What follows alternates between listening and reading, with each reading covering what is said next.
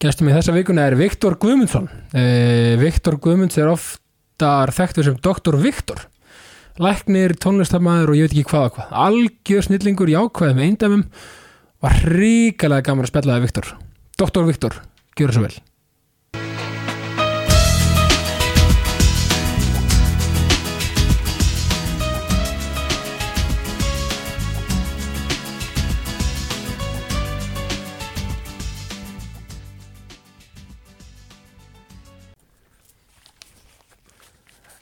Viktor Guðmundsson, Dr. Viktor, verður velkomin í jákastið. Takk að kjæðlega vinnur, takk fyrir að fá mig bara sömu leiðis sko við vorum aðeins að spjalla hérna, hérna off-air hérna rétt á hann sko hvernig finnst þér að vera komin í svona jákvætt podcast sem er yfirskriftina jákvæðin Bara gríðarlega gaman Er það sko. ekki? Jú, við erum alltaf báðir mjög jákvæði menn Já.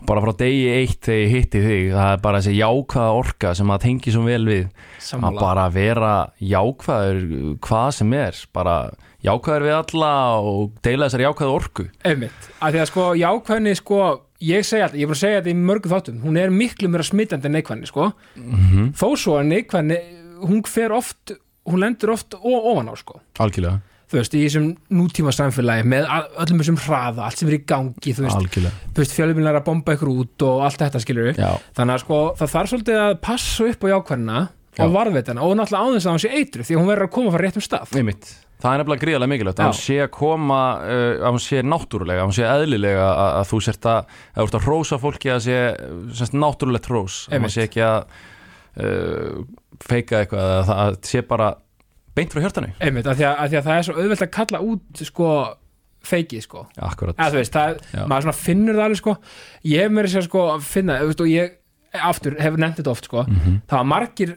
sko sérstaklega fyrir mörgum ár, eða svona einhverjum x árum það var svona, herri, þú, þú ert bara með leikrið, sko, þú ert bara að feika þetta sko. Já.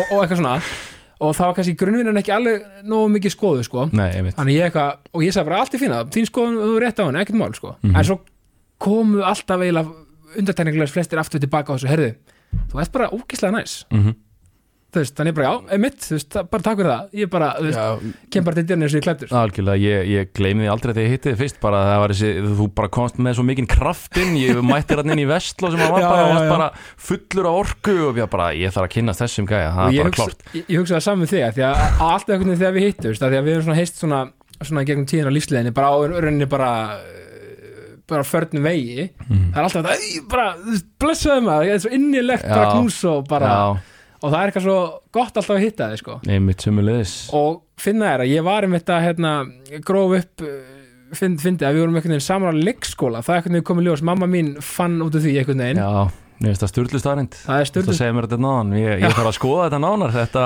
uh, vorum hann saman á solskinsteildinni Já, heyrðu, þetta gæti ekki verið betra Nei, Solskistild einmitt, Þetta grænuborgin maður Já. Sjátt á það grænuborg sko algjörlega Já, sko, og, og, og það er gott sko því að, einmitt, þú ert svona þú ert með jákvæður og, og hefur auðvitað alltaf verið sko og þá er henni bara le leiðið það með að spurningu sem ég spyr alla þú veist, hver er Viktor Guðmundsson?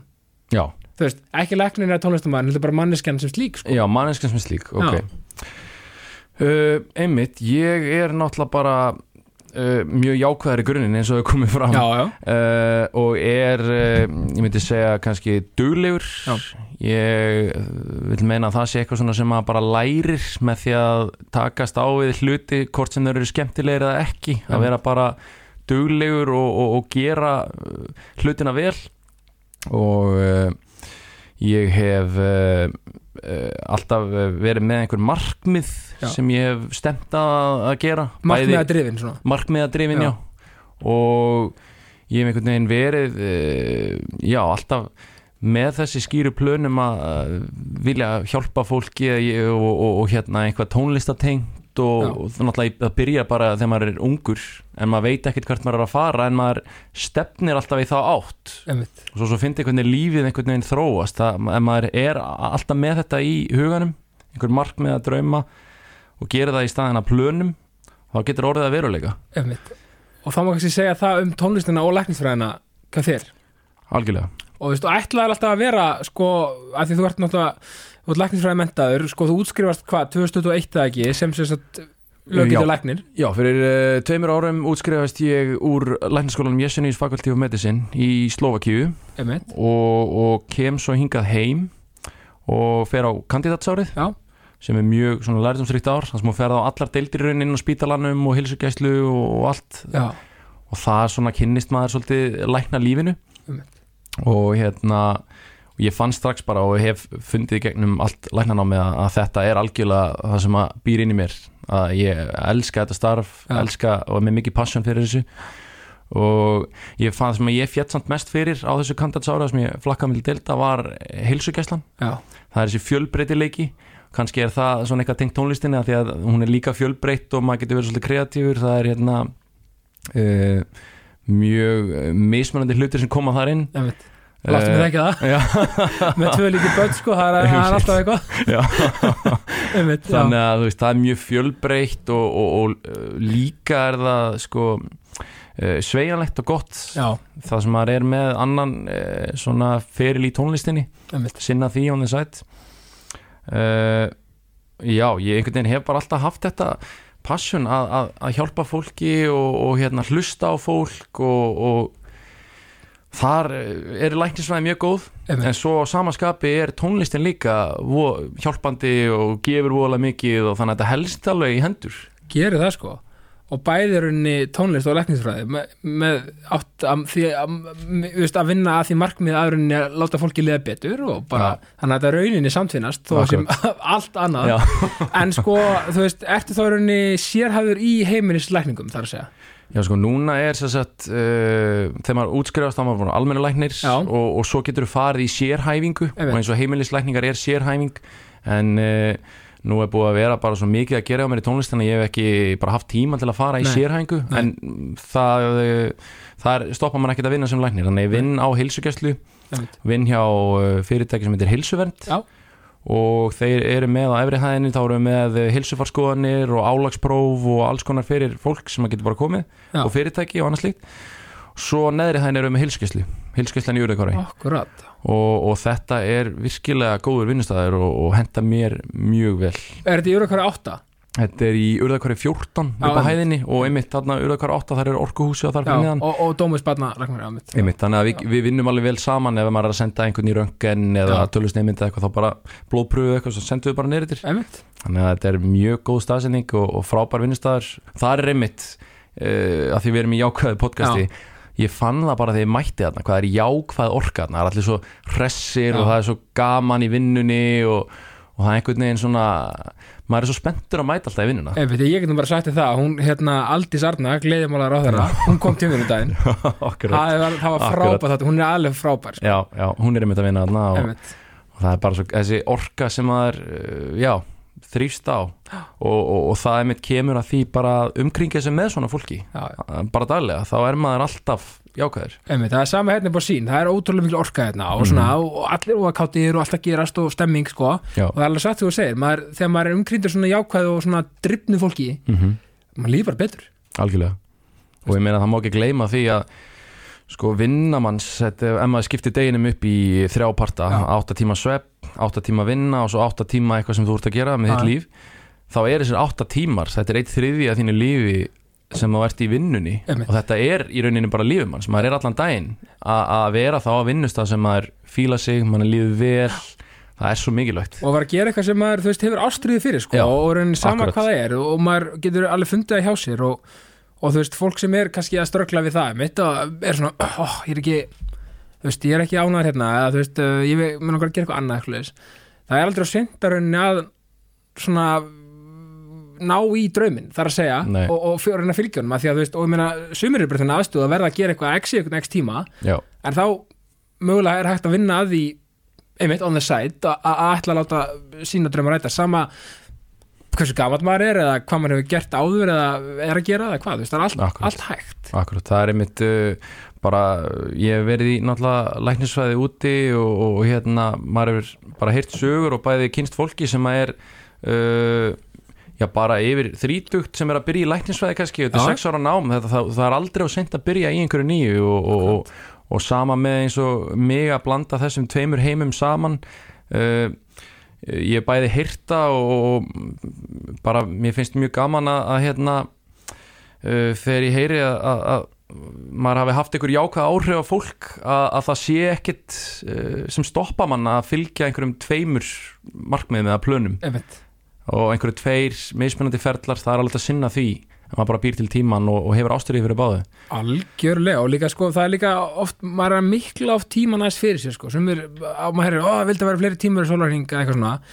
en þetta er svolítið svona maður þarf svolítið að kjarna sig held ég Já. af því að þú veist, eins og núna er þú komin í barnapakkan og innlega til hammingi með það Takk ekki Ah. og og bara æðislegt sko og, veist, Já. og, og, þú- þú- og þú veist hvað ég, og, ég, veist, og við þekkjum það núna báðir maður þannig að svolítið að maður þarf alltaf allur tími f- þarf svolítið að stýrast út frá famlíunni þú veist það er að Já. segja sem maður, þú veist, maður þú veist, hún þarf alltaf að vera nummer eitt skilur við Einmitt. eðlilega þannig að maður þarf að stjórn, svolítið að vera bara svolítið góður í tímastjórnun er það ekki? Algjörlega, veist. algjörlega og ég einmitt það er bara, það er líkillin að einmitt ég fæ oft spurninguna bara hvernig getur þú blanda þessu saman þessum tveimur ólíku heimum Einmitt. og það er einmitt bara ég í grófum dráttum brýti einmitt daginn niður bara í þrjáparta 8-8-8 Einmitt. þú veist, maður eh, stílar á að sofa um 8 tíma Já. svo ef maður er yfirleitt í vinnunni í 8 tíma svo eru þessar 8 tímar sem eru eftir að sólurhringnum og það er, það er mikilvægasti parturinn eða af deginum eða þú ætlar að gera eitthvað annað Einmitt. að, að eh, velta þér fyrir þér hvað ert, hva ert að eigða tímanum Einmitt. ert að, getur þú tekið út eitthvað ert að horfa mikið að þáttum ert að uh, slaka á mikið á einhvers staðar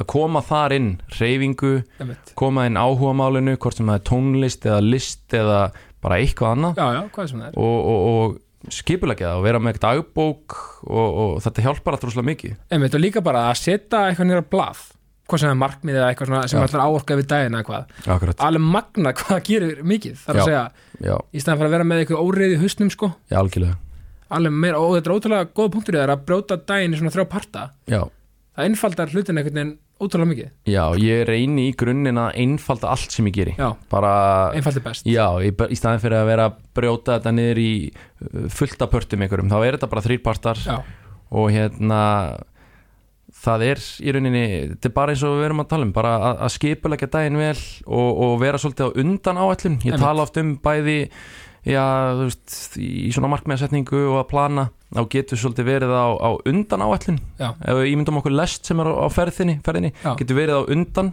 lestinni þá getur verið í lestinni eða á eftirinni já, og eh, ef þú ert á undan henni þá veistu hvert hann er að fara og getur plana svolítið, þetta er Já. svolítið eins og að plana bara næstu viku og mánuðin og sjá svolítið fyrir sér svona hvað liggur fyrir og vera alltaf með tíma í hægin Já, já, svo getur þú verið bara að plana bara daginn í dag en svo getur þú verið á eftirinni og verið ekki alveg kláraði hvað þú ert að gera í dag og það, það er svolítið erfið staðar að vera á einmitt og þá er þetta Þannig að- alltaf að elta, þetta er svona svo í fótbolta sko, ef maður er liðið sem er minna með boltan er alltaf að elta, þú verður þreyttur Já, já, það er akkurat myndast það sko. óreiða, þú oftast tapa leiknum það er akkurat það og hérna uh, já, ég reyni að- að að vera mjög djúlur að hérna, setja í dagbók, plana næstu daga plana vikuna, nú er hann alltaf með bæði vaktir á hilsugjæslinni og svo er maður með fullt af giggum núna Já, já. eftir að það opnaði, einmitt, þannig maður reynir að plana það og svo reynir maður að hafa tíma fyrir fjölskylduna og vini og náttúrulega koma eins og við töluðum um áðan bara mikilvæg þess að æfa Einmitt. að koma inn æfingu ekki að vera búa til einhverja afsakanir bara Akkúrat. komin er bara fyrir akkurat af því að reyfingar er mikið veg upp á an- andlega og líkamlega helsu, náttúrulega nummer Já. 1, 2 og 3 og líka sko, þetta er svo ég, ég er með svona smá með svona, svolítið svona Mhm. svona, svona aðtegli snild eins og við köllum það Mhm.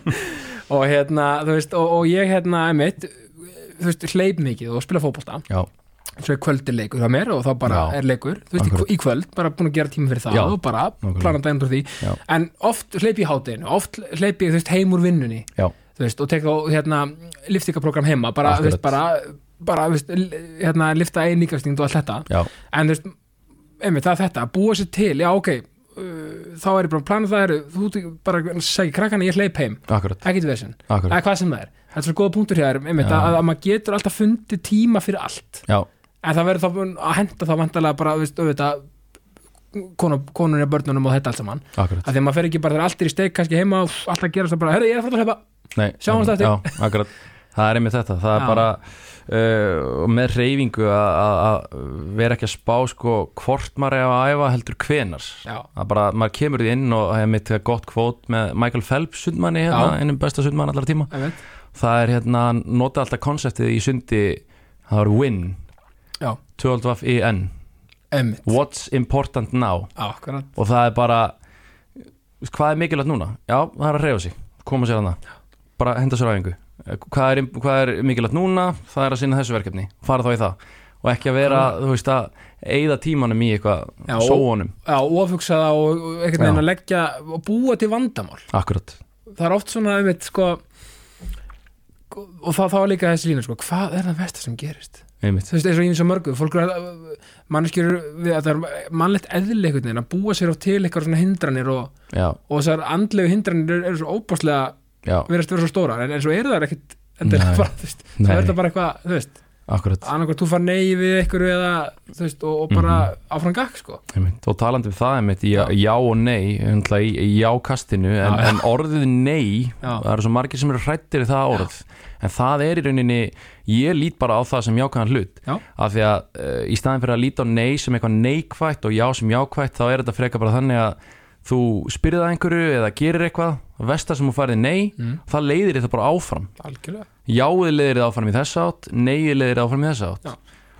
og maður er svo oftir ekki sig á þetta þú veist, maður sp- bara spyr um eitthvað eða gerir eitthvað og maður fara já eða nei og það tek- leiðir maður bara áfram í næsta verkefni algjörlega. opnar einhverjar aðratir og hérna en uh, varandi reyfinguna og, og það þá er ég mitt uh, uh, svona á hilsugesslunni þá kemur náttúrulega gríðlega mikið inn og, og bæði bara allt frá vörtum og einhverjum stóðkerfisverkjum en vola mikið af sko andlegu Já. kvíði og þunglindi og svoleiðis og ég hef uh, uh, mikinn áhuga á því og í rauninni eins og við töluðum um áðan að einfalda hlutina þá hef ég svolítið einfalda hlutina fyrir mínu sjúklingum og Já. bara almennt það er í rauninni bara ef maður brýtur þetta allt saman niður bara alla læknisvæðan allt þá er þetta bara fjóri hlutir sem að mynda eins og stól það Já. er hreyfing, mataræði, svepp og andlilíðan Já. og þessir fjórir hlutir eru svo gríðarlega mikilvægir Einmitt. alltaf þegar kemur einhvers með kvíðað þunglindi og maður spyrir um þessa hluti þá er yfirleitt svefnin í rugli það er ekki verið að hreyfa sig og þar að leiðandi er andlega hliðin ekki í lagi en ef maður byrjar á þessum undirstofum þetta er, þetta er bara þetta er grunnurinn að öllu áhugavert þetta er mjög áhugavert og, og, og rauninni þegar þú segir þetta, hljómar þetta svo einfalt já, en þetta er náttúrulega bara algjör hérna, auðvitað brekka fyrir marga og skiljanlega af því að sumir einhvern veginn bara til miður bara kannski já, b- b- það er bara margt, margar fórstötu fyrir því að, að, að þessi keði er að mögulega að bresta mm -hmm. og hérna, ég meina sjálfur hef ég dílað við mikinn kvíða sko og allt þetta mm Mhm. gegn tíðina e, það er að segja, það er af, svolítið í tengslu við að því að ég lendi í því að falla að missa pappi minn ungur og svona akkurat en, en, en, en markvist hef verið að vinna í því Mhm. og bara, og bara með mínu fólki og bara, bara allt gott að blessað en að þú nefnir allt þetta dæmi alla þessa fjóra hluti þetta er mitt sko reyfingin alltaf verið í lagi mm Mhm. mér, en, en þegar maður tekur sko hitt föst, föstum tökum og, Mhm. og, fór, og ég fór að gera það já, þú veist, á x tíðanbili þá fann maður að mann leið þú veist, að kviðin fór hægt og Mhm. bytandi niður á við akkurat og þetta er bara svo, þú veist, gott fyrir fólk að vita sko. Einmitt, þetta eru bara sér, ég, ég ger þetta ég tala oft um stóla því að það er svo gott myndmál Frábær bara, myndlíking, ef þú sko. brýtur eitt, eitt fótinn af stólum þá bara dettur hann skilur og, Akkurat. og fyrir að þú brýtur á fleiri fætur en í rauninni, svo ef maður brýtur þessa fjóra svefn, hreyfing, mataræði og andlega líða niður, þá eru við náttúrulega að tala um bara að svefna, sofa, reyna að sofa í uh, 8 tíma ef það er hægt, Mhm. 7-8 tíma það er að vera með börn og svona en, en bara að Já, já. reyna að ná góðum svepp og með reyfinguna að reyfa sig uh, reglulega yfir vikuna Já, er ekki Reyna að talað ná. um svona, svona minimum hálftíma á dag, er það ekki bara svona Jú, hálftíma á dag er bara mjög gott sko og reyni, og, já, og, og reyna bara að að- að ekki vera að flækita það, ekki vera að uh, fara í gymmið í tvo tíma, bara skokka í hálftíma, fara í sund Mhm. og, og hérna Labba bara, túr eða hvað já, sem er. bara ná einhverju reyfingu inn ég veit og það er ekki ég alveg tala mjög mikið um það sest, bara að, við sjúklingar mína að, að þú veist að við líti ekki á hreyfingu sem að vera að koma sér eitthvað formendilega það því að það gerir svo mikið fyrir andlu hliðina að hreyfa sig Einmitt, þannig að bara sagði ykkur góður hérna, eh, ég held að veri okkar maður nökkur fjalar sem orðaði það svo vel hann sagði sko, þú veist, maður reyfa sig fyrir heilsuna, mm -hmm. þú veist, maður er ekki þú veist, maður er ekki að gera það fyrir eitthvað eh, þú veist, eitthvað exlu lúk eða þú veist, eitthvað svona sem, Nei. sem svona, þessar svona glans svona uh, ímyndunar hugar heima dæmi er Akkurat. sko, maður er bara að reyfa sig fyrir reyfinguna og, Já. og heilsuna akkurat þannig að maður líði vel eins og út að tala um það er bara það að Já. líta á þetta frekar sem uh, bæði andlegt og líkamlegt ekki, ekki að hérna, uh, vera að reyfa sig til þess að líta betur út vera bara að Einmitt. gera þetta upp á heilsuna og ekki heldur, að því ég held ekki að sko, með þessum hraðið samfélaginu þetta, þá er maður, fólk er alltaf ykkur samkeppni sko, neymitt, reyna áðast kannski átt þessu áður líka já, bara eitthvað svona, óhverju, þessi er svakalög maður, ég ætla að, hérna, ég þarf að taka þrygg, með þryggja tíma eða Já, einhvern að vera svona akkurat. á hverjum einast dag, akkurat sko þá bara springur maður á limminu Já. og er bara, þú veist og vera ekki að bera sig saman við einhverja sem eru konu miklu lengra í sínu hvort sem það er í hlaupum eða Já, í nákvæmlega. rættinu einhverju öðru að bara vera á sínum punkti og, Einmitt. og taka það hann já, ég meina, þú veist, eins og bara, einmitt, að því að þú, þú nú, nú er Arnar Pétursson góð viðin, akkurat, akkurat, þú veist, hann er náttúrulega bara besti hlaupar landsins já, e, í kallaflokki neymitt og e, þú veist, ég svona að því að ég var hlaup, ég, þú veist, ég er alltaf í þessum hlaupum sem hann er í, geggjað að sjá hann er alveg magnaður hann er ótrúlegur, hann bara svíður á skíi og ég kninn, þú veist, og svo líka þú veist, talað um markmið sko, eins og, þú veist, eins og ég hugsaði við vorum í víðavarslöpunum daginn sem er 5 km Íslands eh, eða meistarhlaup og sko ég átti maður að ég er ekki verið að hlaupa ég að frætt á hann, akkurat það er bara svolítið en ég brauti þetta niður og sagði, ok, ég ætla hann að vera undir 90 mínútum með 5 km mm ég var 17,54 mínútur Já. sem ég er mjög ánægði með já, og uh, gott pace og allt þetta og, og þá gæti ég með, ok, Arnar var sko já, ég var tveimur og halvur mínútu frá honum mhm eða skilur við, Já. og bara sáttu með það og bara, þú veist, bara, bara svona dæmi eða, þú veist, kannski, ég lýra dæmi upp á, upp á þetta, en ég er bara að segja, sko, skilur Nei, maður þarf, m- bara- þú veist, ef ykkur er bara, maður þarf ekki að vera eins og Arnar Nei, nei, nei, en maður getur bara, ú, djú, gaman að vera tveim og halvur mínútu tveim og halvur mínútu eftir Arnari skilurðu. akkurat, akkurat maður þarf ekki að vera á því leveli og þú veist, Nei. það er óraunættur mig að ætla að fara á þetta level núna og Já. bara aldrei skilur við, kannski einmitt. Það er einmitt eins og þú segir, já, Arna Pétursson bara, bara einn af minnum bestu vinnum og, Já. og, hérna, og hann er einmitt með konsept í hlaupum sem hann nýtist líka bara í lífinu almennt Mhm. og það er kannski erfitt að útskýra það bara með uh, það besta lýsið sem er grafi en semst að maður er að ímynda, ímynda sér línu já, þú getur annarkvort ef að það er svona markmið að lína þinn í hlaupum eða hvort sem þú ert að stefna að einhverju Já, eitthvað já. svoleiðis þú getur verið fyrir neðan línuna og verið alltaf ósáttur en samt ert á leiðinu upp já, svona hallalínu á leiðinu upp eða verið fyrir ofan hana og verið alltaf sáttur með það sem þetta gera Mhm. en samt endi þið á sama stað já, já þið munu ná uh, áfram en hinn er alltaf ósáttur, hinn er alltaf sáttur Akkurat. þannig að bara spurningum að vera bara Þetta er basically glasi hálffullt eða hálftómt sko. akkurat, Einmitt, og, þú veist, og líka bara þú veist, það er líka bara svo fallegt að setja sér raunhæð markmið líka. já, algjörlega Það er svo mikið beauty í því. akkurat, Þú veist að því að sumir finnst mér setja sér svo rosalega óraunhæð markmið í mörgu. ég veit Bara alltaf að vera, þú veist, menna, ég átti með því, þú veist, ég er, þú veist, ég er ekkert að fara að vera aðtur mér í fótboltu þessu.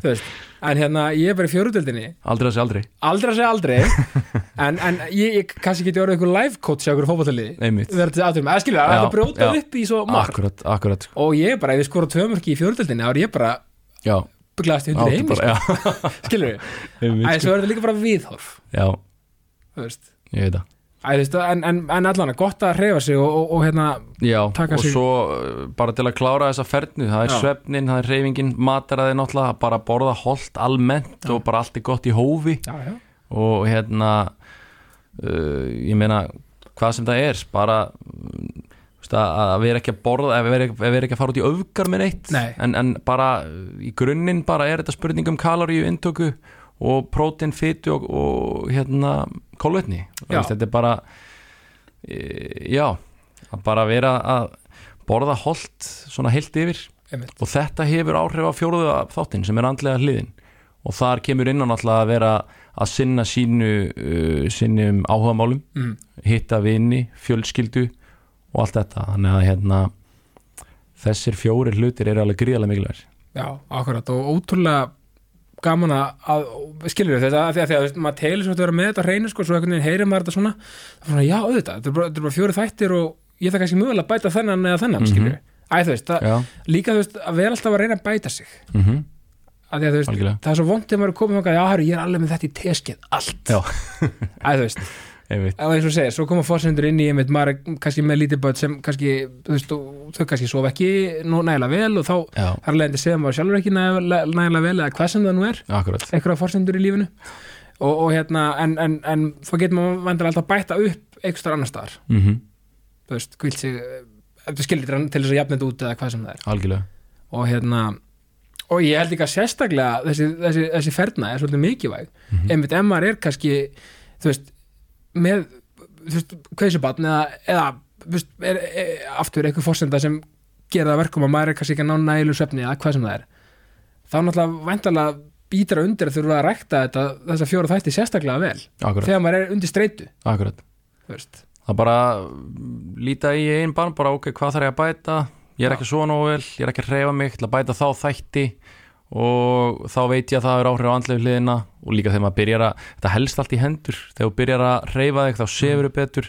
þegar þú ert að reyfa þig þá viltu borða holt, Já, þá líður þér betur þetta, þetta, þetta spilar allt saman einmitt ég er þetta Þannig tengi e- eitt satt við einmitt að reyfa sig og borða holt ef ég er bara að hlaupa hálmarathon eða eitthvað eftir góðan fótballtaleg, djúið lagum mér bara alltaf í pítsu Já. en ég, ég þú veist, almennt er þetta að tala um Já, það, já, algjörlega, en þú veist hvað að minna maður Þú- þú... taka massíft Já, eitthvað þú átt skilið pizzu í kvöld eftir hennar leik ég held það sko það er svona, sett markmið að taka 10 km miðinni sko, Já, á akkurat maður er inni í eina svona eina Algjörlega sko. leta nei, nei, þetta er æðislegt sko ég er hérna útrúlega gaman hérna þú varst með systur, systur mína tvær sem sagt eru í Slovakíu í námi Já, akkurat, akkurat Já, þær eru hérna báðar sko á Tinna eldri hún er 95 mótel, hún er að klára sko uh, hún er komin lengra sko ári, ég held að sé hún er á 5 og, og, og, og, og Alessandra er á sko þetta fjórða held ég Akkurat, það er alveg frábæra sko standa sig útrúlega vel að einmitt. þótti og já, ég, ég mitt hitti það núna um daginn og gaman að segja frá því að, Já. að ég var sem sagt eh, bókaður til að spila á ársatíð félag íslenskara læknum í Slovaki Já, flýsa ekki Fíls, jú, Fíls, ég akkurat, fíls, akkurat Ah, já. já, já, Fíls, Já, en það var mjög skemmtilegt af því að ég mitt stopnaði það bara á mínu, hvað, öðru ári með nokkrum öðrum já þú, þú stopp, þú Já, ert hérna með við stofnendur. stopnum félag íslenskara læknum í Slovaki og hérna við hugsuðum bara að vera komnir 40-50 manns hérna, ja, hafa eitthvað svona félag utanum þetta og halda Einmitt. einhverja viðburði og við byrjuðum bara eitthvað að sapna saman einhverjum aurum og hendi í ársatíð og ég meina þetta var bara mjög lítill að byrja með og skemmtilegt og saklaust núna bara flög ég út með félagum mínum í klöptöp Já, og, og þetta er bara einhver flottast ársatíð sem hefur verið haldin í bænum bara þetta var ótrúlegt, Va- við vorum 200 manns wow í bara stæsta hátíðasalum í bænum þryggjarétta og fullt af það var það mikið af atriðum þegar við vorum að halda, það, var, það, var, það voru að reyna að fá, fá einhverju til að halda atriði Já, já, já. þannig að það mikið af atriðum að það var ekki pláss fyrir fleiri atriði Vá.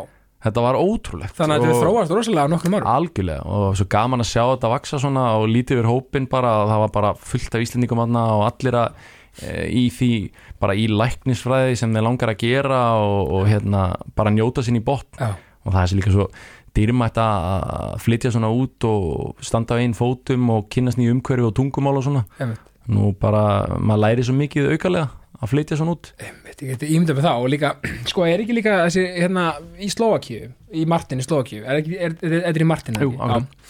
er þetta ekki svona svona fara að vera sko vinsall og vinsalla hjá um, Íslandikum og fleirum að að fara þarna, því að kannski á svona tíma var þetta svolítið svona fjarlætt og nýtt fyrir fólki, þar að segja sumir þessu, já, ok læknisfræði er að fara til Slovakíu í læknisfræði eða skilur, ég get ímyndað mér að sumir hafa kannski verið bara svona hm, ok, Æ, æ, æ, þú veist, á þess að, þú veist, fólk var ekkert með eitthvað fordóma eða svoleiðis Nei, akkurat en bara svona, já ok, mm, Já. eitthvað svona Eh, fannstu fyrir ykkur svona þegar þú sagðist vera læknisfræði í Slovakíu og fólk var bara, já, byrju Slovakíu Já, algjörlega bara ég fór hann út í öðru hóli, það var eitt hól sem var búið að fara undan mér og það var eitthvað um sjö krakkar eða eitthvað sem Já. fór út sem voru fyrst þá Já, bara alveg fyrst ok, og það var alveg, þau eru svona brauturiðendur alveg komu hann inn Já. og, og maður heyrði mikið í þeim og svona hvernig er þetta og svoleiðis Mhm. og þau töluðu bara mjög vel um þetta Svo komum við hann í öðru hóli og þá vorum 40 eða 50 sem komu já ok Þá það- stækka þetta strax já, og síðan bara eftir það fór þetta bara að spyrjast út um allt hvað væri gaman hann og Einmitt. gott veður og, og gaman að læra slóvakísku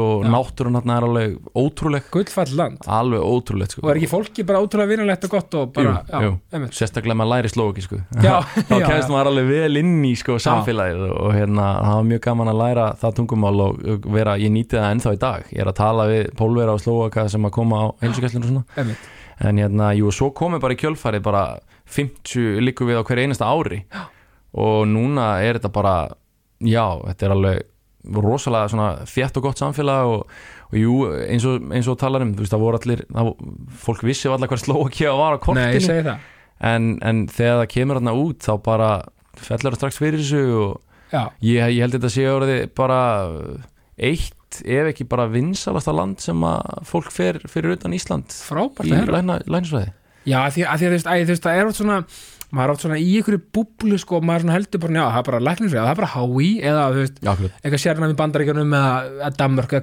hvað sem er sko, þegar Akkurat. maður er í svona einhvern veginn svona sinni búblu Já, ég, þú veist, menna þú veist, Slovaki, menna, þú veist, menna og, þú veist, allir þessi löndi, menna, hugsaði hvað heimurinn er stór og opinn og býður upp á Algjörlega. margt og þú veist, maður einhvern veginn er búin að svona, já, maður hugsa bara svona í sinni mitt oft bara búblu eins og ég segi, bara, svona, já, þetta land er örugglega ekki með, la- þú veist, skilur, fólk fyrir ekki Mhm. þangalar mm þetta og þetta, æ, þú veist akkurat þetta er svo gaman að heyra Já, hvað heimurinn er Ná, stór nákvæmlega þessi punktur, eh, hvað heimurinn er stór og það er einmitt svona sem maður lærir þegar maður fer út maður átta sig á því hvað þetta er miklu stærra allt, Einmitt. við erum hérna 350.000 manns á, á Íslandi og, Já. og þetta, er, þetta er svo stórt þegar maður er hérna heima, svo Já. fer maður til Slovakíu sem eru 5-6 miljónir og, og, hérna, og þá allt í einu sér maður bara hvað er mikið af fólki og, og hérna hvað, maður, hvað þetta er stór heimur og, Já. og hérna svo hefur ég líka verið heppin að ég, ég er mitt eh, kærast mín lærið í Ungverjalandi Já. bjó í Ungverjalandi á tímbili og þú veist, þá sá maður hvað þetta er eh, ennþá stærra þangað og svo er Já. fjölskylda mín í Noregi þannig að ég er svolítið svona verið víða sko og maður svona bara átta sig á því hvað það er mikið í bóði Já. í heiminum og, og það er kannski svona sem ég hef áhuga á með tónlistinni og sé að það eru tækifæri út um allan heim Einmitt. þú veist, þó hann sé stór þá er hann samt lítill og það eru stuttar leðir sérstaklega með uh, þessar nýju tækni, samfélagsmiðlum og öllu maður bara sendir skilabóð á félaga sinn bara í Slovaki og maður er bara komin í vídeosamtal bara Já, já. að ræða við hann um eitthvað Einmitt, eða bara, þú veist, um, einmitt, bara eitt Facebook message og þú bókar að gigi í Slovaki Akkurat. eða hvað sem það, já, það er nákvæmlega þannig þetta er ekki flókið og þú veist, Nei. rauninni, og, og sko já, hann að þú ert reyna að vera alltaf vanur hvað sér, er þín nánasta familja í Nóri? já, Já. ég, sem sagt, ég fættist í Stuttgart, Tískalandi Mm, mamma og pappi voru að læra þar ok, og Eh, eru þau læknar líka það? nei, þau eru ekki læknar, Nei. pappi er verkfræðingur og og mamma er að vinna á leikskóla í Nóri Já, og hérna uh, ég sem sagt þau fluttu heim þegar ég var einsás já, og ég hérna man nú ekki mikið eftir þessu, nei, nei þessu þú ári ert ekki kröfið þetta af Nei, þetta nei, nei. en á passanum mínu stendur Stuttgart, Germany þannig að Jaha. hérna, já, þannig að ok, það halda margir að ég sé þjóðveri Stuttgart, sérstaklega því að ég er já. með, með sé í nafninu mínu, Viktor með sé en já, það var bara þannig sem að var hérna út í Þískalandi og Já. þeim leist bara vel á að hafa það þannig það er alltaf cool sko Já, ég- þetta hefur svona fest á mig og flestir kalla mig Viktor með sé Já. og það er spurning hvort maður ætti bara að bæta því já, m- m.c já, Já, já, já FC Viktor já, MC Viktor, já, já, já En hérna, já, flytt svo til Íslands í gróu Mm. og hérna, svo fara þau þegar að klára Vestló eða Já. mennskólan til Norex og þá einhvern veginn þegar þau eru flutt út þá einmitt hugsaði með mig bara uh, ég er til í að prófa eitthvað nýtt Mhm. og þá sá ég tækifæri að fara til Slovakju þá fór ég þanga Já. þannig að hérna, ég mæli alveg hygglust með því fyrir fólk að flytja eitthvað út maður Já, læri svo bara- mikið á þessu Alveg, og ég meina, og kynnist þið sem sagt þú og kærastan í náminu, eða þess að þann úti eða hvað? Já, það var einmitt á, á þriðja ári þá var uh, svona skíðaferð bara ungverjar og eða sérst, íslensku lækninemir í Slovakíu Já. og íslensku lækninemir í Ungverjalandi Já, plönuðum skíðaferð saman í Slovakíu alveg glæsilegt svæðan í Slovakíu sem heitir Jasna já, og þar eh, rak ég augun á hana og já bara, No looking back bara, já, Já. nákvæmlega bara frábært Akkurat. Bara Æðislegt, ó, svo gaman svona svona ástið fyrstu sínstemning Já, Þetta er ég æði, meina, og maður var náttúrulega, hún var að læra úti í Ungverjalandi og ég í Slovakíu þannig að maður hefur prófað fjársambandsbakkan og já, já, já uh, og þar einmitt uh, já, þar einmitt fekk ég þá upplifun að prófa að búa hans í Ungarlandi og það var líka mjög skemmtilegt Já, en við sýstum við fórum þetta í, hérna, yngri fórum í prímet í Ungarlandi akkurat, þannig að þetta er alveg greinilega frábær, frábær sko, og þessi staðu, sko uh, þetta er austu-Európa, eða ekki? Jú. Þetta er flokka miðaustur Evrópa Miðaustur-Európa, já, svona já, segja. já. Þú veist, þetta er svo, maður heyrir sko að því að ég hef ekki komið okkar ennþá en þú veist, borgir einmitt eins og einmitt Bratislava, einmitt Martin eh, þú veist, hérna Budapest og Prag og þetta allt saman, bara frábærar borgir, sko. Og akkurat, allir sem fara okkar er bara, la- langar alltaf bara aftur, sko. já, Bara, þú veist, heyrðu, e- ekki tenið á miðtak, ég er bara að fara að þanga, sko. akkurat Þú veist, við ættum bara að fara á utalansverðir teginni bara til Martin bara já, ángriðist, ég meina, og ég meina Beint veðrið, flug. já, ég meina veðrið, þetta er Flug. frábært ekki. Jú, veist, alveg þegar bara, það er jú, jú, sum- voru það sumar. er í rauninni bara langt sumar þarna alveg frá hvað á að segja, bara byrja svona aðeins í mars og apríl er það bara komið að stað og bara Já. alveg út september í rauninni og alveg inn í oktober, bara sól, Einmitt. alveg bara bongo og svo koma alveg góðir vetur þar sem maður getur verið á skýðum bara og Einmitt. þetta er alveg geggja Já, bara briljant sko. Þú ert sko, þú ert nýjúskrifaður líka úr sérst klassísku tónlistana með ekki Jú, já, já, akkurat, fyrir nokkru dögum þá, þá útskrifast ég formlega, svona úr Formlega, sko, já. tónlistskóla Kópavóks Já, Eh, Til lukku með það. það var, takk hella Ég mitt ég eh, Já, þegar ég var tíu ára þá fór ég í klassíst píanonám í tónskóla kópbóks já, og pappi minn var alltaf að spila á píano og hann er sjálfur var í námi þar sko já, og setti mig bara strax við píanoið og, og hérna og svo byrjaði ég þar þegar ég var tíu ára og, og kláraði þetta sem sagt klassíska píanonám Mhm. í kringum títut sama ára og ég kláraði Vestló eh, þá tók ég burtfarapróf já og hérna það er í rauninni bara alveg svona eila klukkutíma prógram bara sem að ég var bara með ein, eh, bara tónleika, Já, bauð öllu mínu fólki ok það er eitthvað svona mest stressandi en bara skemmtilustu tónleikar sem ég á Já. hefðinni spila á sko. Já, fullt hús bara og þú, Já. þú að glamra á, á hérna flílin salnum í Kópói Já. og, og tók þarna einhver fjögur, fimm bara svona alvöru klassísk verk Já, já, já, og svo tók ég eitt svona eh, svona hálfpartinn piano mix þar sem ég svona blandaði saman alls konar lögum og gerði eitthvað og það var kannski svona eitthvað Þú veist, skemmtilegt maður var farin eitthvað að hugsa um að semja þarna og ég var aðeins farin að Já, grúska á gera mín eigin tónlist sko. Einmitt, og rauninni sko byrjar sko að, þú veist, byrjar rauninni raftónlistar áhugin þinn og DJ, ég ég kalla þetta DJ-isma Já, já DJ-ismi DJ-ismin, byrjaði hann hérna að, þú veist eh, þú veist, varstu, varstu löngu byrjaðar að þú veist að hérna vera mikið í þeirri senu þar að segja þegar þú ert þú veist, eh, þarna einmitt óskrástu vestló eða varstu, þú veist, er það svona nokkuð nýtil komið í rauninni eða hvað, þú veist, hvernig svona Já, ég var alltaf að hlusta á raftónlist mm. Mhm. ég, hlu- eh, ég er svona smá alæta bara á tónlist, ég hlusta bara á allt Mhm. og hérna, sama hvað það er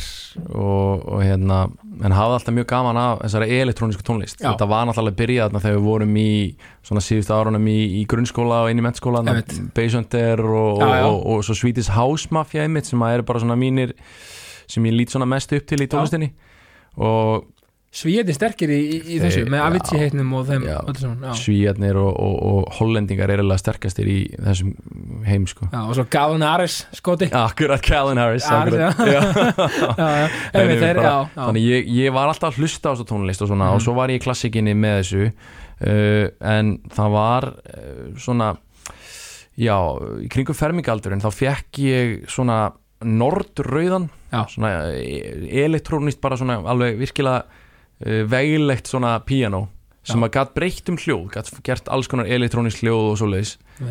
og ég man bara þú veist þegar ég heyrði þetta fyrst í búðinni þetta, hérna, þetta hljóðfæri og var að skipta í mikil hljóði bara Mm. þetta er eitthvað sem ég langar að gera já, sko. bara mér langar einhvern veginn að- að búa til eitthvað lag úr þessum hljóðum einmitt en hann á þeim tíma hafði ég ekki hugmynd um hvernig ég ætti að gera það en, En- það er einmitt svona plantaðist eitthvað fræ já.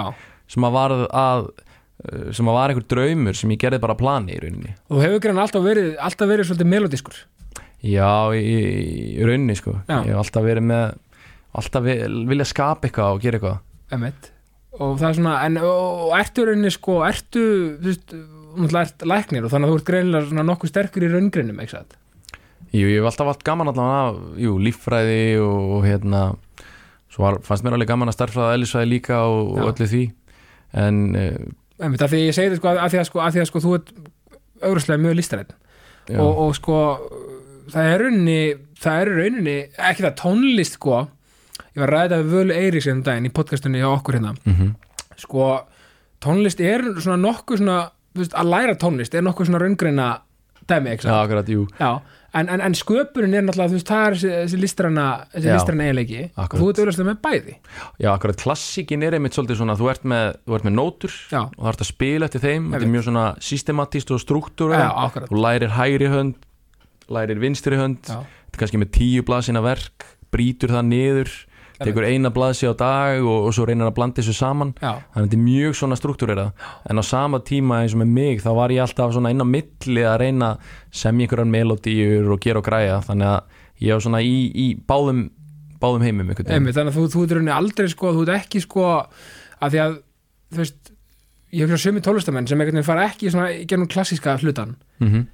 sem margir gera Akkurat. þeir einhvern veginn eru bara með þess að meðlætu í sér einhvern veginn, Já. ekkert endilega sterkir í raungreinum eða eitthvað svo leiðis, bara Akkurat, svona eru bara með þetta einhvern veginn, af því að þú veist, í mörgu þartu líka einhvern veginn bara að vera með þetta akkurat þú veist, og ert bara með eitthvað, þetta er svona sem að vera markaskorur í fótbolta þú getur ekki sko kent markaskorun Nei, nákvæmlega þú ert bara réttu maður á réttu stað Já. af því þú ert með eitthvað svona instinkt í þér sko. Nei mitt og þú ert, eins og ég segi, þú ert með allan að pakka og, og, og ég er henni dáist að þér, hvað þú ert hérna hvað þú ert hérna að gera flotta hluti og, og sko, f- er ekki rétt að mér fyrsta svona í raftónlist, breykið þitt Já, það er þú semur lægið fyrir hérna, eins og veist, hérna Þóraris, Þóraris sinina fyrir, jú akkurat Það eh, er sko, sumargleðina. ég mitt já Svona í grófum dráttum þá svona Byrjaði ég hérna í Ég byrjaði læknanáman út í Slovakju Já. Og þá var ég Þá var ég svona aðeins byrjar að fykta Að gera mín einn, þá var ég búin að komast að því ég, Það er til forrit sem að ég nota Það Já. er FL Studio já, og,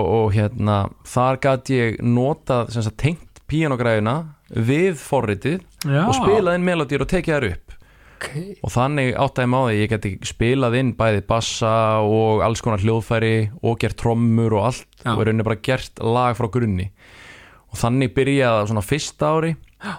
svo öðru ári var ég farin að gera meira af þessu en þá var ég ekki farin að gefa út neitt nei, nei, en þá emitt kom svona uh, fyrsta svona stóra tækifærið í þessum, uh, he- svona, þessum ferli hjá Já. mér að, að mér var búið að spila á mínu fyrsta gigi já, ok þá spurðist það út að ég hef búin að vera í að gera tónlist, ég er tónlistar maður og eitthvað Já. svoleiðis hvort ég get, væri til í að spila á stóru karnevali, svona nefnda gliði þarna í bænum, Já. þeir eru alveg fleiri hundru manns og það er einmitt bara svona tækifæri sem maður bauðst og, og þá Já. er bara spurning já eða nei mm.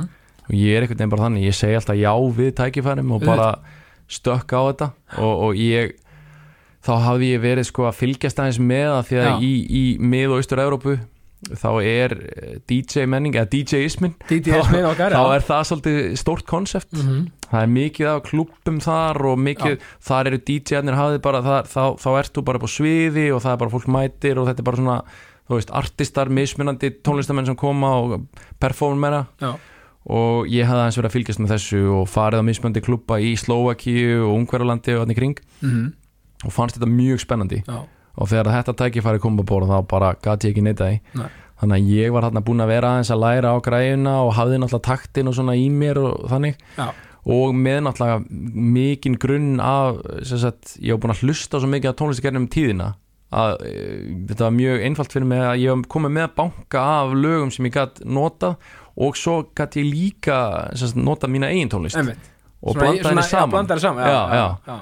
og ég man alltaf eftir þessu uh, fyrsta gigi bara hérna í miðbænum í Martin að bara frá fyrstu mínútu hvað ég bara einhvern veginn svona þetta var bara Bara, wow, þetta langar mig til að gera já, alltaf. þetta var bara einhver svona uppljóstun bara, Já. bara sprengja inn í mér ég bara ok, þetta Þetta er málið. er málið sko. Já. að bara vera hérna búin að gera eitthvað lag heima spila það hér fyrir fólk og fólk er dansandi og hafa gaman og ég svona get að stjórna stemmingunni Já. og lesið svolítið svona stemminguna og svoleiðis og hérna, já og það er eiginlega eins og þú segir, sagði hann, no turning back svona, Akkurat og líka, eins og segja, þetta er svona bara einmitt, einmitt maður sér þessi festival sko þú veist, þetta er bara eitthvað gleði sprengja þegar DJ er bara, bara eitthvað svona akkurat, hendur upp í loft og bara eitthvað massíf, þú veist, þetta er bara einhvern einhver endofinn kick sem er Já. ekki hægt að útskýra sko. ég veit það og, og, og bæði bara sjá hvað fólkið er gaman svo hefur maður svo gaman að sér Já. sjálfur og, og hérna að já, oftast eru því plötusnúðanir alveg bara sko, Já. manna, manna hressast já, sko. algjörlega sko það verður líka að vera Já, en einmitt svo svona, svo einmitt þróast að þannig á þriðja ári, þá átti ég að hita upp fyrir, uh, ég var búin að spila semst reglulega á öðru ári þarna og Já. þá farið að bóka mig bara, eila nánast allar helgar ára og svolítið mikið og svona, já, og á þriðja ári þá átti ég að hita upp fyrir bara stærsta DJ Slovaki, ok, DJ EKG E og, EKG, hérna, maður. og ég hugsaði bara með mér, wow, þetta er alveg reisastórt þarna á stærsta klubnum í, í bænum já, og þá spurðu einmitt þeir sem voru að skipulegja viðbyrjum bara hvað ég var að setja á plakati DJ EKG og Já. og ég var bara, já þú veist það ég var búið- búið- var bara búið að vera Viktor og DJ Viktor Já, og eitthvað já. svoleiðis en mér langaði náttúrulega að fara að skapa ykkur tónlist sjálfur og ég var búin að vera að gera það og ég var alltaf að hugsa um hvað er svona fullkomna artista nafni já, já, já, og þeir náttúrulega bara þú ert bara doktor og Viktor og þetta er bara, þetta er bara, þú, bara doktor Viktor og þetta bara fittar mjög vel já, og ég var bara, na, já, mér fannst það smá svona ok, ég er ekki orðin læknir og svona Nei, nei, nei, bara, nei. þetta er bara artistanafn og þetta er bara töff og þeir skellti þessu bara inn þannig að komu þeir beislinu með þetta nafn já, þetta var svona, þú veist, þetta, var- Samvinnu, þetta, já. þetta var bara þú veist, það var alltaf að tala um, já, bara doktorinn er að spila hérna, Já, og svoleiðis og svo já. bara einhvern veginn þegar eftir þetta fór hérna á þetta plakat bara DJ KG og doktor Viktor hérna frá, frá maður Ísland þá bara festist það bara á mér sko það er líka þetta brillja nafn Já, svona, eftir að hugja er þetta mjög, mjög skemmtilegt og svona einhvern veginn svol- svolítið svona útskýrir hver ég er í Já. rauninni þetta, já, þetta sé einmitt, algjörlega Þú veist, þetta er svona báðir heimar mm -hmm.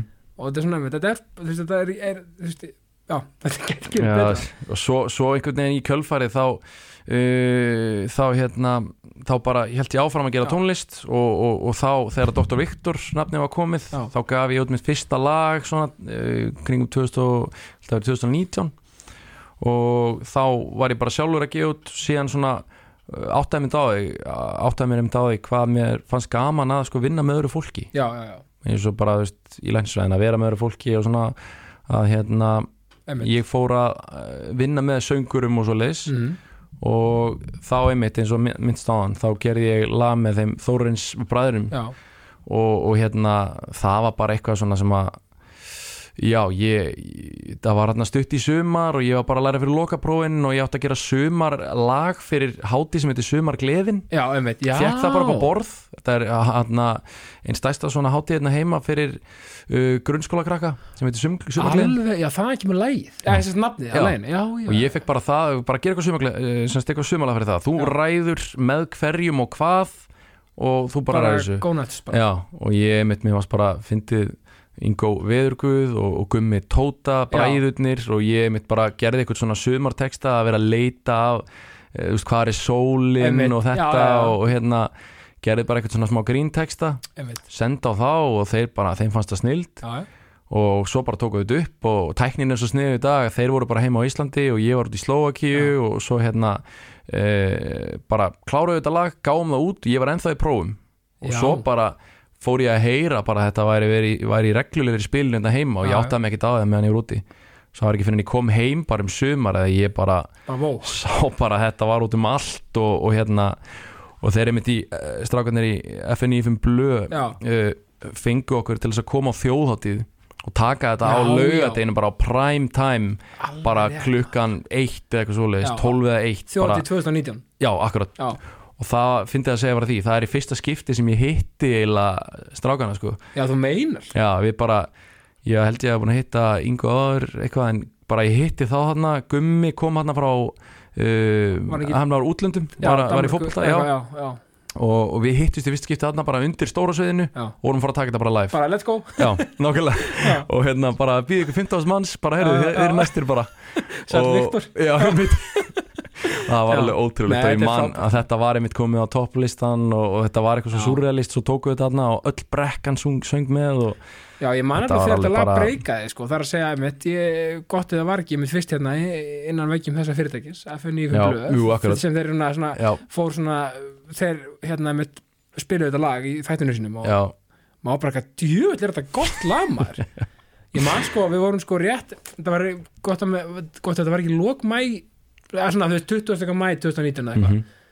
þá vorum við, þú veist, ég bara maður svo lektur þessu við vorum hlustað á þetta, við vorum leiðinni heim kona mín, kannski óleitt af, af, af heimi sem Já. okkar, hann, var bara, hann kom svo í heimið annan júni, ámæla Akkurat. morgun sjátt átt, já Nákvæmlega. og hann hérna og við vorum bara bara, vá hvað þetta er gott lag maður Já, þú veist, bara, og ég sagði, já, ég get nú alveg sagt þér það, Raki minn, ég þekki nú þennan snilling sem bjóður það til, að Viktor heldur betur, já, þetta var þetta var, þetta, þetta var verið skemmtilegum tími Þetta var alveg ótrúlegt og þarna einmitt sá maður bara sko, ég hann nýbúin að vera að gefa út nokkuð lög já, og, og sá þarna, mér var svo gaman að vinna einmitt með einhverju söngurum og svoleiðis og mæti þarna bara á stóra sviðið og sé bara alla syngja með, einhverju lægi sem að maður gerði bara, þú veist, uh, út í Slovakíu bara, bara, sem í flýti bara eitthvað já, bara svona, herðu, ok klárum þetta sumalag og þetta er bara stemming og gefum þetta út já, já. og allt í einu er þetta orðið svona huge að því að basically, þú helst, eða upprónulega var þetta lag fyrir grunnskólaháttíð já, þetta þú var kannski bara, áttar ekki á þetta, þú hugsaðar ekki þá bara eitthvað, vá, þetta er að fara að breyka bara bygda minna, nei, nei, Eða gerði mér enga grein fyrir því nei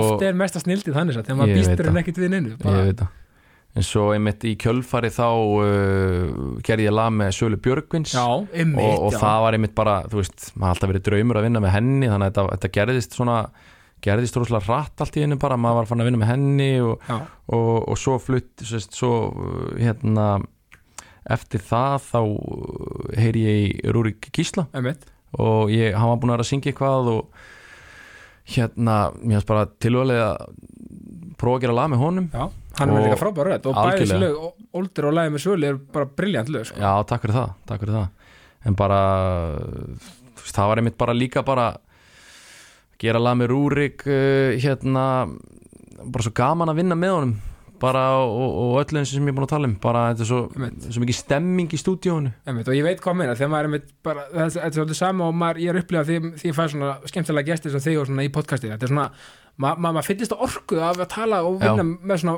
skemmtilegu fólki einmitt, og, og þú veist, og rauninni sko þú mátt alveg fengið dálta aðtegli líka á olderlæð, þess að með Rúrik, af því að þú veist, hann náttúrulega bara er, var og er svolítið worldwide, bara Já, algjörlega, ég meina hann var náttúrulega í þessum uh, dansátti þarna Já. í Þískalandi og hann er ennþá náttúrulega bara, hann býr hálfpartinn bara úti þar og, og hérna Uh, jú, þetta var að spila náttúrulega bara í stærstu sjónvarstöðunum þar og útarstöðunum og, og hérna ágætis plögg í kallurum Já, þetta var alveg bara ótrúlegt sko Já, já. Og, og svo er bara gaman að segja fyrir því að þú veist, við, við náðum svo vel saman bara eftir þetta samstarf Já. Við erum bara, í lórnir svona, hann er einn af mínum bestu vinnum núna og, frábært, hann svona einmitt talandi um það á hann að- að umkringja sem er góðu fólki þá þú veist þá er svo gott að vera með eins og hann hann er góður í mjög góður í íþróttum og, og syngur vel og ég er kannski meira í tónlistinni mm. þá ítir hann mér áfram að, að æfa já, hann, er, hann tekur 2-3 ára æfingar á dag einmitt á meðan hérna ég er svolítið að íta áfram að þú veist, tónlistinni á honum já, sem hann hefur gaman af þeir bara vegi hvo- hvernig hann upp vel já, greið algjörlega og hérna já, þannig að það Það er er bara mjög skemmtilegt og þú veit sko, ert ekki með samvikið Sony núna, sérst, í Danmörku eða Íslandi, jú, það var einmitt svona í kringum uh, þarna var ég búinn að gefa út þessi lög og, Já. og Sony hafði þá samband við mig upp á bara að koma að því að semst gefa út mína tónlist já, og dreifa þá já, já, já, já. það var mikill hefur bara, Frábært. það var svona ákveðin viðkenning fyrir mig bara að þeir síndu minni tónlist áhuga bara hérna ég var bara búinn að vera að leika mér eitthvað úti að gera þetta Mhm. og, og svo allt í henni var þetta orðið eitthvað alvöru já.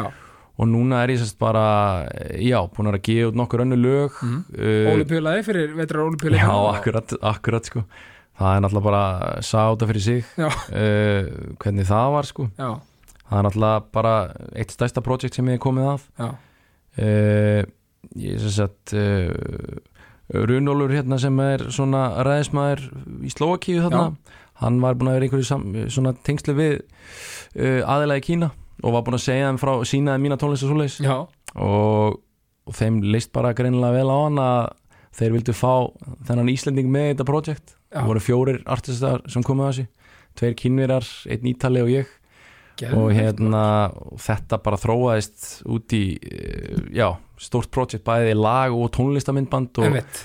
og fekk einhverjar 900 miljónir hlustan hann eh, úti og spila þarna í olimpíuleikanum og það er rosalegt já, þetta var alveg þetta, eins, enn og aftur sýnir bara hvað heimurinn er lítill og hvað já, og þarf ekki nema eitt, tvö samtöl á milli ykkura til þess að eitthvað magna gerist Akkurat hugsaði það maður, hann Já. var eitthvað að vera komin inn á Asjumarkað, Já, ég kalla hann nú heldur gott heldur betur sko já, Maður- eftir svona basically stuttan fyrir sko Ég mitt og, og það er bara gaman núna maður er með fullt af uh, lögum í pípunum bæði, bæði ég mitt ég er að vinna með uh, tónlistafólki Já. í Asíu Geðveikt. og einhverjum í Bandaríkjunum og hérna í Skandinavíu og frá, þannig að og svo gerir lag fyrir Storytel Einmitt, já, svo gerði ég lag fyrir Storytel uh, hérna, Óskar Guðmundsson Já. uh, rithöfundur, frændi minn hann hérna, bara þess að hugmynd undir mig já, hann hann var, er frendi, já, ok cool hann já, er frændið minn og hann, Já. hann sagði mig frá þessari bók sem hann var að gefa út og hann, og hann væri með alveg klikkaða hugmynd að gera eitthvað lag fyrir þetta já, og hann sagði mér að Daniel August uh, hérna, já, let's it sjálf legendi sjálft Guð- Guðs var- Guðs og já, lítið önsk, já. að hann væri að uh, lesa sem sagt bókina fyrir Storytel já, og hann datti eitthvað í huga að gera eitthvað úr því og mér fannst það bara að vera já, bara borlegjandi dæmi, bara Sko, algjör þetta- snild Þetta er rítjóðundir sem hugsa út fyrir bóksið algjörlega Mér finnst það ég, brill- þetta, ég held að þetta hafi ekkert verið gert áður Nei, ég, get- ég held ekki þið vott Ég hef aldrei heitt eitthvað að höra Ég er ekki bók og ég er ekki Já, lag líka og lag Með bókinni, og meiri sér tónlistamindband sem kom út geggjað sko þannig að hérna, það var líka einmitt annað svona moment bara að, að vinna sérst, hugmyndin geggjuð og, og, og bara segja já við þessum tækifæri sem komið på borð og svo áður maður að vissa var maður komin í stúdíó með Daniel August hann er náttúrulega já, hvernig mest er töffari bara allra tíma sko. Já, Daniel er sko, þú veist, hann lappar hann í herbyggi og maður er bara eitthvað, wow Já, ég er að segja það hann- þegar hann mæt, mætir í bara helgala einhverjum, einhverjum bleikum helgala bara með sólgleruðun það svakalegt, bara sko. maður er bara ólega sko en Einmitt. það var, það var ótrúlega mikill heiður að vinna með honum og hérna við erum einmitt að fara að gefa út sem sagt, eh, gaman að segja frá því svona dansvæna útgáfa af þessu lagi Geðveikt. sem er bara að koma út núna bara á næstu dögum sko Næs þannig að hérna stýttist í það sko Þannig að þegar þetta podcast eru komið út þá er það komið og farið að Já, sko, þá, þá eru menn farinir að dansa með sko, já, það getur verið glamour og glimmer og allt það það, getur verið nefnilega lofið sko. já, Þetta er alveg brillið sko og í rauninni er ekki svolítið svona þú veist, er ekki svolítið þannig að þú veist sko jafnvægið á milli læknisfræðarnar og tónlistarinnar eftir að hafa heyrt þetta allt saman skilur við þetta er náttúrulega, þetta er algjört púsluspil en djöfull nærðu að halda þessu vel á lofti á öllu þetta er magnað já, það er bara skipulagið og, Þetta er bara og hérna, skipulagið, já. já, bara að vera á undan lestinni Á- eins og við A- tölum um áðan. einmitt, að Já. Mhm. vera bara með dagbók sjá hvernig mánuðinu lítur út hvernig vikan lítur út, hvernig dagurinn lítur út nýta allan döðan tíma uh, og uh, hafa tíma fyrir þessa fjóra hluti sem við Já. talaðum áður bara sofa vel, reyfa sig og mataræði og andlega hliðin og andlega hliðin er einmitt, þú veist, eins og mér bara tónlistin og læknisvæðin Já. að sinna þessum hlutum þannig að ég hef einhvern veginn verð að sinna því til þess að allt gangi upp Akkurat, nákvæmlega Þetta er svo, þetta er svo gott sko ég, sko það er bara að fólk líka speklis í þessu og að finni sitt, þú veist Einmitt. það er ekki að vera læknis eða tónlist, það getur verið eitthvað allt annað Já. það er bara að þú finnir þitt passion einmitt, og ég meina þegar maður er með passion fyrir hlutunum þá, þá er maður bara að fara að keira áfram á það já, þetta er eins og þetta er eins og var sagt sko hérna einhvern tímann uh, að sagði ekkur góður einstaklingur þetta sko maður getur, sko, maður getur maður er með ástriði fyrir ykkur og maður getur sko, þú veist og maður getur haft markmið að vinna við það og allt þetta maður getur ákveðið að fara hinn að leiðina og ætla að fara ykkur inn að gæsa bara praktiska leið þar að segja en ég held að, sko, og þannig er punkturinn sko, ég held að þú munir alltaf ná meiri árangri og, og, og, og, ham, og eiga hamingi samar líf ef þú gerir eitthvað sem þú virkilega brennur fyrir frekar en að sko að fara eitthvað leið sem kannski einhver annar áætlaði fyrir þig eða þú heldur að sé rétt mögulega bara Akkurat. að því bara að því að, hún, mö- að því að þú heldur að hún mun mögulega aflaðar eitthvað x tekna eða eitthvað svoleiðis Akkurat. ég held að þú verður alltaf svolítið sko auðvitað þarf maður að vera raunsar og allt þetta skilur við að því að jákasti snýstu það um alla tilfinningar, þú veist, það er ekki þú veist, það er, þú veist, að, að leifa sér að gráta að vera raunsar, skilur við og, og, og tala um sorgina, tala um þetta allt saman og þá aftur á punktinum, skilur við það er þetta jafnvega að milli þess að, að, að, að, að sko að vera, já, mitt praktískur og nokkuð raunsar auðvitað, en líka að leifa sér að dreyma og ætla sér eitthvað þú veist, af því að ég held að Akkurat. maður munu alltaf aftur, maður munu alltaf ná meiri ánangri í því sem maður hefur ástríð fyrir og brenni fyrir heldur en eitthvað sem maður ákveður að sé eitthvað sem mögulega er ekki, skilur Akkurat. ég held að það sé svona svolítið svona mikilvæga punktur í þessu algjörlega, af því að það er bara ástríðu, sko algjörlega þú veist, Það maður er verður bara- einhvern veginn að finna sér farveg sko, og, raunni, og sama hversu og líka aftur ef maður er að gera eitthvað svona þú veist, bara ef maður er, þú veist, og ætla sér eitthvað og maður er í ykkur og ætla sér eitthvað annað og ætla sér að ná markmiðið sínum þá fer þetta líka svo eftir því, sko á hvaða vegferð maður er í lífinu af því að sumir kannski eru 20, 20 átt að segja hvað það vilja gera hafa kannski ekki ábyrð þar að segja eins og með, þú veist, eru með maka og batna svona, eða börn en þeir sem eru kannski orðinir x gamlir, kannski segjum bara eitthvað sem fertur og, og, og er með eitthvað draum og með fjölskyldu og svona, þá getur maður alltaf líka svolítið svona, farið svolítið grændmót og þá verður maður að gera það þá kannski sinna ástriðinni eftir vinnu og eftir allir konni rúmið á kvöldin eitthvað svoleiði sko Þú veist, Algjörlega. maður þarf bara að finna sér sko leið að haminginni, leið að því sem maður vill gera algjörlega afsaka þessi eldra því ég bara með langar Nei, til að koma bara, svo framfæri ég er bara ofpeppast hérna. þetta Já, semulegis, Nei, þetta er bara- þetta þetta er er svo mikilvægt að fólk átti sig á því algjörlega. að því að við Þetta tölum um er bara ástríðu alveg hárétt hjá þér sko Já. Þetta er bara hárétt hjá þér og hann er líka góða punktu sem hún komst inn á með bara um, þú veist, m- margir eða flestir eru kannski með einhverja hugmynd um hvað þið vilja gera í lífinu Já, uh, það, þú veist, þá er bara að keira á það og Einmitt. fyrir mér er það sko þú þú getur með drauma en það er miklu betra bara að gera draumana sínu að plani e- e, nákvæmlega og s- leggja sér markmið í þá átt setja sér markmið, lítil markmið og stór markmið en svo eru margir sem að vita ekkert hvað er alltaf að gera Nei, að- og þá er bara að fara í eitthvað og taka eitthvað skrif Já, og þar einmitt kemur að já og neyinu þú veist, já er þetta eitthvað fyrir mig eða Mhm. nei og þá bara heldur áfram að heldur vegferðin áfram og maður heldur áfram að leita já, þannig að maður, maður fer þannig áfram og svo líka bara að vera meðvitað um það að þetta er upp og niður bara eins og lífið er þetta er Algjörlega það koma, þetta er bara eins og rússibanni maður fer niður, maður Einmitt. líður illa svo líður manni vel en eh, Akkurat. ég meina ef það Það er væri allar alltaf tilfinningar ef það væri alltaf gaman, það væri, þá, væri, þá væri það ekkert skemmtilegt Einmitt það Ma- verður að vera, verður að vera eitthvað svona dýnamik í þessu og, Já, maður maður þarf að fara í gegn þyrnana til að fá rósina sko já, Eitthvað sem er búið til á staðnum hérna akkurat, Orðatiltæki. þetta er alveg Já, það gæður er ekki ég ætla bara að fá að nota þetta Er það einhvern ekki? tímann. Jú. Já, þetta er kannski efni ykkar lag Já. Nei, Nei en veist, eh, algjörlega og líka, veist, og ég átti mig líka alveg á því að sumir eru í þ- einhverjum aðstöðu þar sem kannski mögulega er ekki hægt að, að, að framfylgja einhverju, einhverju ástriðið eða svoleiðis, en, en það er hins vegar við, við, við, við þá aðeins að segja það er alltaf ljós í myrkrinu, það er alltaf þú veist, hérna eh, það er alltaf, alltaf, þú veist, já, það er alltaf von og þú veist, maður getur alltaf gert það sem maður vill já, það er aldrei að senda að breyta eh, akkurat, og, aldrei að og senda að líka prófa eitthvað Já. nýtt eða gera eitthvað nýtt eða. Eh, Nákvæmlega, og líka veist bara og, og stundum þá maður bara að ná einhverjum x sko, í einhverjum aðstæðum sem maður er ít og bara, bara checka það út og svo getur maður já, fundið sér mögulega nýja farvega eða hvað sem það er akkurat þannig að þetta er bara algjör snild sko, er eitthvað svona eitthvað eitt sem drífur þig áfram í leik og starfi bara svona eitthvað svona mantra svo með eða eitthvað svona, það er kannski bara sér stólinn kannski, Eh, uh, já, í rauninni er það grunnurinn já, grunnurinn er stólinn, það er bara reyfing, mataræði, svefn og andli líðan, Já. það er alltaf sem ég fer í en svo er það mitt bara að segja já við tækifærum já, og vera óhrættur við að fá nei það mitt bara annarkvort farið já eða nei það er ekkert mikið verið, það er ekkert verið en það það, nei, þú farið bara nei, en þá, það tekur þið áfram það mitt, og svo er rauninni bara að vera með uh, bara markmið, bæði lítil og stór Já. en samt að vera sko njóta ferlisins ekki vera alltaf að býða eftir einhverjum punkti þegar ég er orðin læknir þá verður gaman einmitt í staðan fyrir Njóta að vegferðarinnar. njóta þess að vera að læra og eins núna ég, ég er ennþá að uh, ég er ennþá að þróa mig sem tónlistamæður Mhm.